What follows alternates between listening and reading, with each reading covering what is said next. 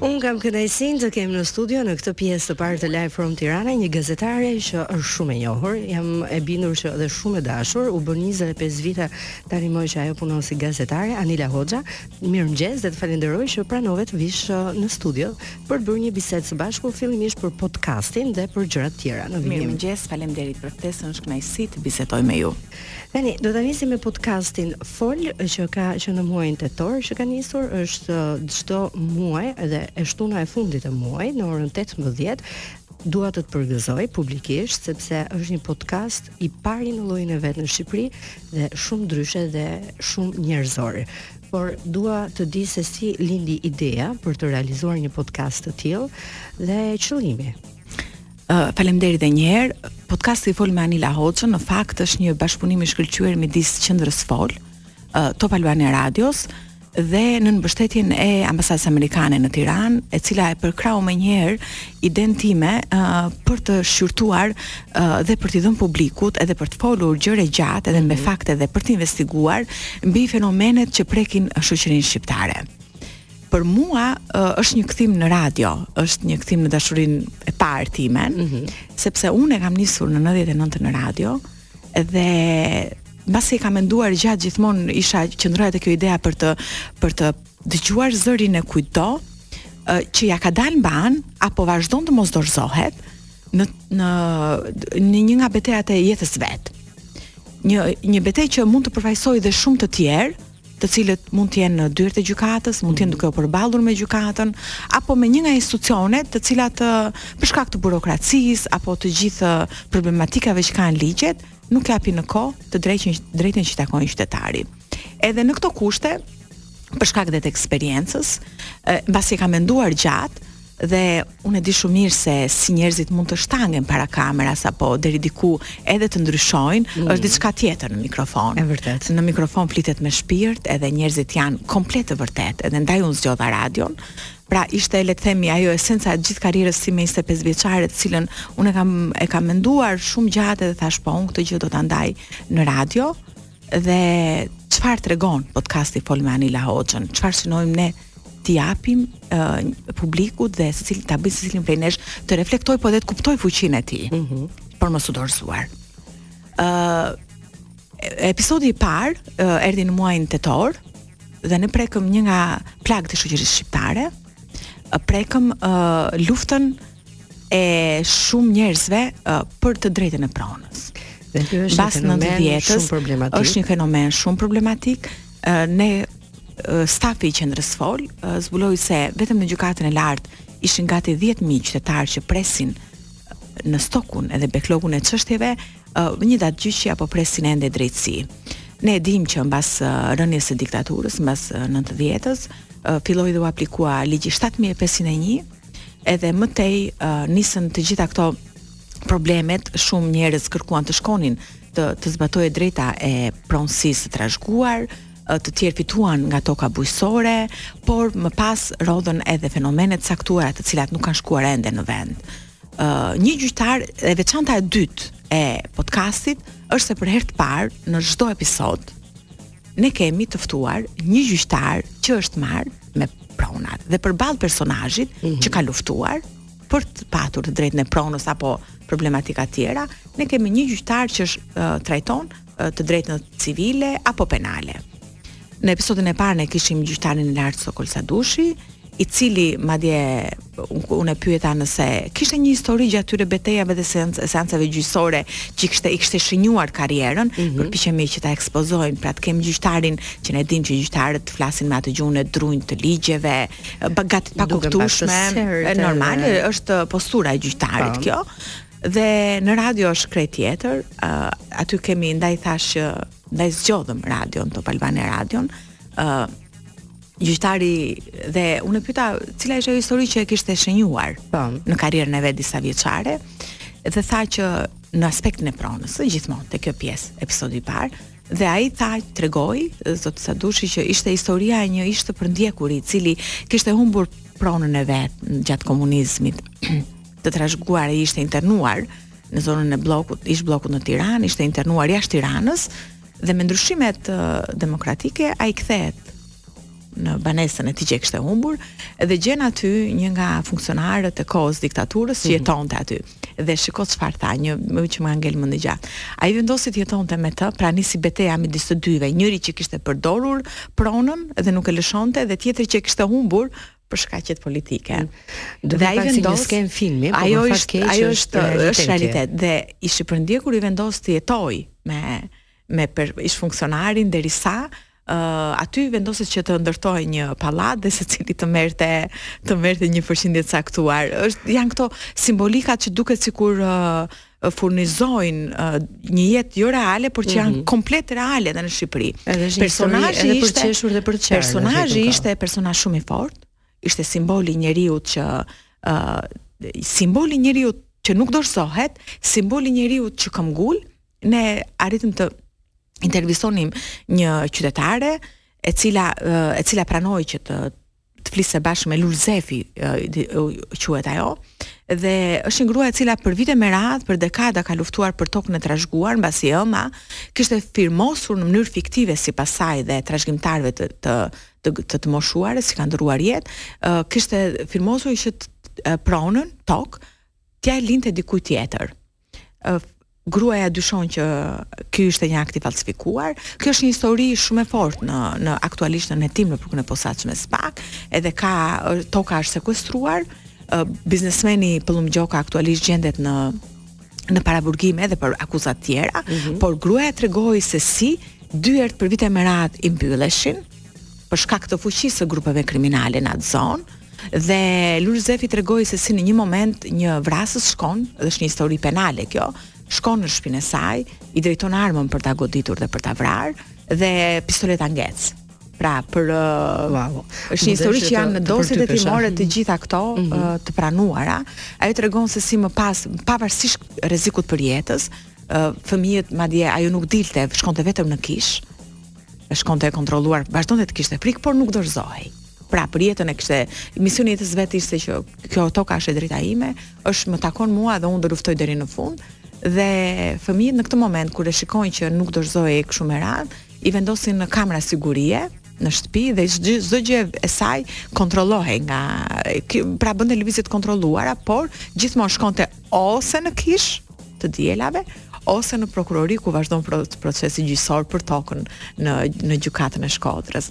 Janë ca simbolika dhe në përfundim pasi kishim këto realitetet e njerëzve e gruas që nuk dorëzohet gjykatës, aspektit ligjor, alarmit që dha gjyqtari i lartë për faktin që ka shumë stok, uh, kakofonia e ligjeve, ë pati dhe konkluzione të caktuara për procesin e pronave dhe për gjithë zvarritjet e qindra qytetarëve në Shqipëri që përballen me këtë problematikë. Episodi i dytë ishte akoma më i fortë, ë po, përkoi po. edhe me ditët e mm -hmm. aktivizimit kundër dhunës me bazë gjinore dhe sërish ne kishim personazhe ë një gru, ë, një gjyqtar që merrej me dhunën në familje, dhe tregoi se cilat ishin pengjet e tij. Duke nisur nga fakti që mbasi kishte dhënë një urdhër mbrojtje për një grua në Kamëz, gjyqtari Dritëk Boçi uh, tregoi gjithë keqardhjen e tij që pik se si nuk funksionon me mekanizmi për mbrojtjen, e, pavarësisht se gratë e kanë tejkaluar, ë uh, pra ato e kanë bërë pjesën e tyre, janë të sensibilizuar edhe telefonojnë dhe denoncojnë dhunën. pavarësisht fushatave insistuese për t'ju bërë për t'ju dhënë mesazh qytetarëve, qytetareve, më së shumti po edhe qytetarëve, mund të ketë edhe burra të dhunuar, ë uh, ata e kanë bërë pjesën e tyre telefonojnë dhe kërkojnë ndihmë. Tani më është pjesë e institucioneve që të ofrojnë ndihmë. Dhe gjyqtari tregoi rastin e një gruaje në Kamëz, ka qenë një histori shumë publike, ë uh, shumë e rëndë. Mbasi gjyqtari kishte dhënë urdhër mbrojtje për uh, gruan mm -hmm. në Kamëz, ë uh, ky urdhër nuk ishte zbatuar, nuk ishte uh, mbikëqyrur siç duhet nga policia dhe gruaja u vra dhe ai tregoi gjithë pjesën, tregonte këtë kontrastin e dhimbshëm midis gruas që e lumtur e mori atë copë letër kur ju tha dhunuesi duhet të dalë nga shtëpia dhe dhunuesi ishte kunati uh, dhe gëzimit të saj që un kam një copë letër tani shteti do më mbroj dhe gjyqtari rrëfeu dhe tregoi ne këto i kemi të gjitha edhe në website-in janë të post mhm. postuara mm -hmm. të gjitha këto rrëfime edhe në website-in e Top Albania Radio por edhe në adresën e qendrës Fol janë të hedhura të gjitha dhe tregonte se si uh, ai më pas kritikoi dhe policinë kur tregoi se nuk mund ta trajtojnë vendimin e gjykatës gjykata është mbi të gjitha Nuk mund ta trajtoj, trajtojnë si një dokument që do vendoset në sirtar dhe kaq qytetarja e mori urdhrin e mbrojtjes, por ata duhet të gjejnë metodat e tyre, në këtë rast policia lokale, për të mbikëqyrur a zbatohet urdhri i mbrojtjes, çfarë po bën dhunuesi? A ka dalë nga banesa sepse mm -hmm. ligji është ashpërsuar tani më? Dhe thot në momentin që ka dhunë në familje me vendim gjykate dhunuesi del nga banesa, pra nuk lejohet të jetojë. Dikur ka qenë urdhri që të qëndrojë në distancë 500 metra e me disa specifikime të tjera që dukeshin të pazbatueshme. Do të po. ndërpres për momentin, kemi disa miq që po na presin dhe pastaj do të vazhdojmë sepse e di që ke shumë histori, por dua të të pyes se cila është ajo që ty të ka mbetur më shumë në mendje, por pasi të presim miqtë tanë. Vazhdojmë të jemi në studio me gazetaren Anila Hoxha dhe e kemi lënë me podcastin e saj Fol që është çdo fund muaji, e shtuna e fundit të muajit në orën 18 në Radio Top Albania Radio dhe E di që temat dhe duke qenë me një eksperiencë kaq të madhe sa ç'je ti, janë të shumta, por unë dua kush është, po them, um, historia që të ka prekur aq shumë edhe që të ka lënë një shenjë edhe ty vet. E di që një është e vështirë të zgjedhësh, por jemi të detyruar të zgjedhim vetëm një. Secila, secili nga personazhet që kam intervistuar, mm -hmm. më ka lënë uh, një shenjë që gjithmonë them, ku e gjejnë forcën, edhe them që ka aq shumë heronj drita tek të cilët nuk kanë nuk ka projektor të drejtuar, sa që nuk mund ta besosh. Lul Zefi për shembull, cilës ia drejtuan armën, është një personazh i jashtëzakonshëm vitaliteti. Mm -hmm. Albana në episodin e dhunës në familje, e cila e denoncoi bashkëshortin, vendosi ta thyejë rrethin e dhunës, edhe të dalë të flasë, e denoncoi rastin. Por pastaj për të mbajt familjen, kur ai doli nga burgu, e fali. Tha dakord, ne do të të përpiqemi edhe një herë që ta ruajmë familjen, ta ruajmë uh, këtë martesë, pra të mos shkojmë në divorc. Dhe sërisht ajo u gjend në të njëjtin ë uh, terr dhune, vendosi atëherë që ajo të kërkojë divorcin. E di çfarë ndodh me të? Mm. Kur ta dëgjoni, do rrëngjetheni. I, do me thënë, unë nuk i mbaj, do me, është një nga rastet kur unë duke dëgjuar atë, unë kam qarë. Dhunuesi bashkëshorti në këtë rast, e ndjek, e ndalon mes rrugës, ajo vazhdonte ka një djalë, vazhdonte shkonte në punë, punonte në një fasoneri, çdo mëngjes, e së njërë në këmbë, për t'ja dalë mbanë, sepse është kjo mosmbështetja sociale, uh, nuk e keni idenë, ne mendojmë që ja, grave u jepet, ose edhe burrave, uh, u jepet vetëm ai urdhri i mbrojtjes e janë të garantuara, por ato kanë për ditë të rrisin fëmijët. Uh, janë disa sfida të tjera që këto njerëz ja dalin. Edhe janë vërtet për t'u duartrokitur edhe për t'u përqafuar. Vente çdo ditë në punë dhe dhunuesi. ë uh, E di çfarë bën? E ndalon në rrugë, i lyen trupin me benzinë dhe bëhet gati. Ai tani është në burg për vrasje të ngelur në tentativë në rrethana cilësuese. Dhe tregon atë momentin ë uh, kur kur ajo tregonte, ja siç mbush sytë ti tani që i mbushe me lot, është një nga rastet që un kam thënë, o zot sa mirë që nuk e kam kameran. Sepse ju e dini që e nuk mund na shikojnë njerëzit. Ë kur ne kur trishtohemi në shpirt, nuk duan njerëzit, domethënë, dhe kam thënë sa mirë, kam thënë o zot sa mirë që në këtë moment un pra un po dëgjoj një njeri që flet. E njerëzit do dëgjojnë një njeri që flet, po nuk do shohin në uh, këtë pjesën tjetër. Ajo vrapon, shpëton, ikën, shkon në vendin e punës, i vetmi vend, shkon në vendin e punës dhe thotë që gratë mos ta kuptonin. Që dhe ato thon çfarë po ndodh? Pse është kjo erë benzine? Nuk ju tregon. Një krenare, një krenari e pamatë. Thotë shkoj ndërrohem thotë vesh uniformën e punës dhe i mbyll në qese dhe aty kujtohet telefonon avokatin e bashkëshortit, cilit kishte vendosur, të cilin kishte vendosur ta falte mbasi doli nga burgu dhe thotë im shoq veproi kështu, i thotë ai më fal i thotë, ky është një krim avokati i dhunuesit, ë, mm -hmm. S'dinte kë të telefononte. Nuk kishte njohuri juridike, pra ajo ishte thjesht mbijetova, shpëtova, çfarë do bëj tani? Pra, martesa ka marrë fund, çfarë do bëj? Dhe ai thotë ti duhet të shkosh në polici. Ti duhet të telefonosh policinë, se kjo ai ka dashur të të vrasë, ai ka tentuar të të vrasë. Dhe ajo më ka shënjuar, po tjetër. Në dhjetor kishim episodin për aksidentet automobilistike. Dhe natyrisht që ishte pak temë delikate sepse uh, podcasti transmetohej në datën tridhjetë dhjetor edhe ne nuk donim edhe të ndikonim në atmosferën e festave. Mm -hmm. E menduam gjatë bashkë me stafin që të japim dhe mesazhet e duhura, të sensibilizojmë, tregojmë dhe historitë, por uh, mos të prishim atmosferën e kujtdo që ka marrë makinën, po shkon afër familjes, ë uh, uh, është në në në, në këtë entuziazmin e festave. Dhe personazhi që ne kontaktuam është një qytetar sërish vital i quajtur Ylber Doda. Ai ka kryer aksident automobilistik në moshën 25 vjeç para 28 viteve.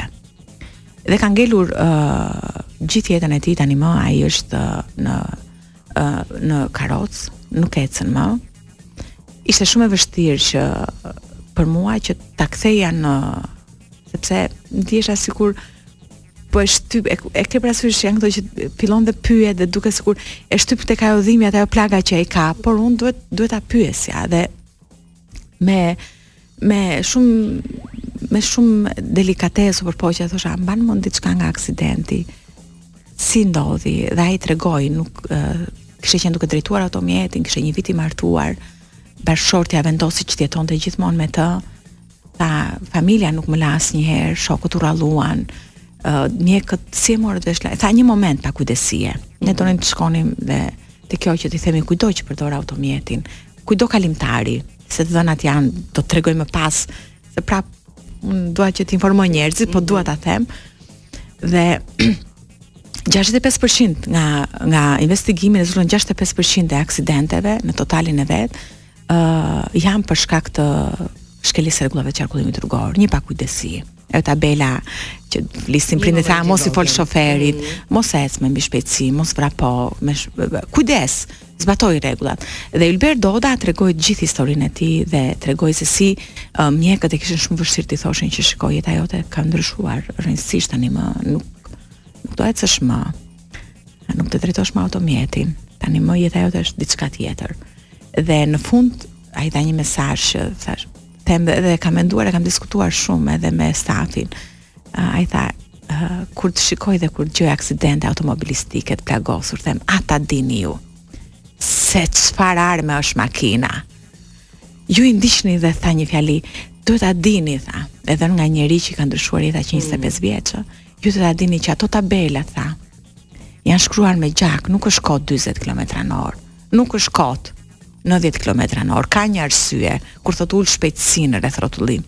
E thënë nga një njeri që i ndryshoi jeta, ë uh, të ndikon direkt, vërtet ka një duhet të jep mikro, gishtin po, kokës. Dhe për të shkuar te kalimtarët, dhe për shkuar te kalimtarët dhe eksperti i policisë rrugore, po edhe gjykatësja, eksperti zyrtar i policisë tha që vitin e kaluar pesëdhjetë për qind e aksidenteve ë të shkaktuara në rrugët në Shqipëri janë shkaktuar, ka qenë gjithmonë shkaktar një këmbësor i cili ke parasysh kur drejton kur vozit makinën që dikush del dhe ato vijat e bardha që duken të parëndësishme, mm. po duhet t'i trajtojmë si një urë në mes të një lumi që a kalon në lum, jo do kalosh tek ajo ura. Ato vijat e bardha janë aq të rëndësishme. Ai semafori, uh, drita jeshile, duhet ndjekur dhe uh, të dhëna nga ne morëm të dhëna nga 92-shi në vazhdim dhe janë katërfishi i çdo krimi tjetër të vrarë në Shqipëri. Ë mbi 15000 të plagosur dhe të gjymtuar nga aksidentet nga viti 92. Mbi 8000 të vrarë domethënë është një e ka një një një qytezë, miniqytezë njerëzish që jeta e tyre dhe këtë duhet ta kuptojnë dhe gjyqtarja që foli kishte edhe eksperiencën e vet. Ajo kishte humbur një tregoi dy fenomene që më pas në datën 1 janar 2024 ishte ajo që ne paralajmëruam. Gjyqtarja tha ne shohim të arrestuarit që vijnë duke drejtuar automjetin janë dy kategori.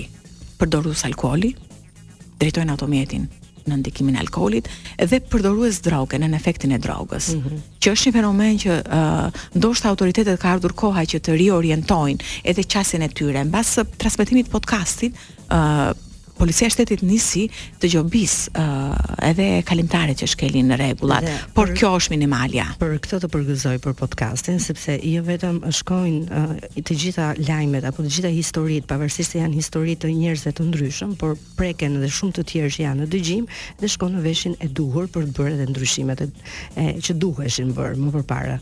Por unë dua të të falenderoj. Jemi në limit të kohës, a mund të të bëj edhe një pyetje shkurt fare, po e dua përgjigjen. Pavarësisht se është e vështirë ta japësh shkurt, por duke qenë se ke 25 vite karrierë, nëse do ktheheshim pas dhe do kishe Anilën, po 18 vjeçare përpara. Çfarë do t'i thoshe? Ilbert Doda, personazhi që thashë ka kryer, mm -hmm. kishte kryer aksident kur ishte 25 vjeç. Edhe më tha koha nuk kthehet pas. Asgjë nuk kthehet pas. Po të përgjigjem e thashë që unë personazhet janë njerëz që u shënoj numrat e telefonit dhe më pas gjithmonë bashkëbisedoj me ta, interesohem gjithmonë çfarë ka ndodhur etj etj. Koha nuk kthehet pas. Ëh, uh, Jam e sigurt që nëse do ndryshoja diçka tek Ani, unë kam hyrë në gazetari, kam hyrë kur isha studente, isha mm -hmm. 19 vjeçe. Ë, uh, natyrisht do ndryshoja diçka për të përmirësuar më shumë veten edhe ë uh, unë ia kam kushtuar jetën time, ia kam kushtuar këtij misioni. E dua këtë punë që bëj. Po për të përmirësuar veten patjetër që këtë do ta ndryshoja, të përmirësohesha akoma më shumë. Mm -hmm. Dua të jem përditë në një proces rritjeje Dua të ndihmoj njerëz, unë e ndjej kështu se nëqoftëse secili prej nesh bën diçka në këtë vendin tonë, të siguroj që do ishte vend akoma më i bukur. E vërtetë. Anila të falenderoj dhe ishte shumë kënaqësi për mua që të kisha. Edhe për mua ishte shumë kënaqësi.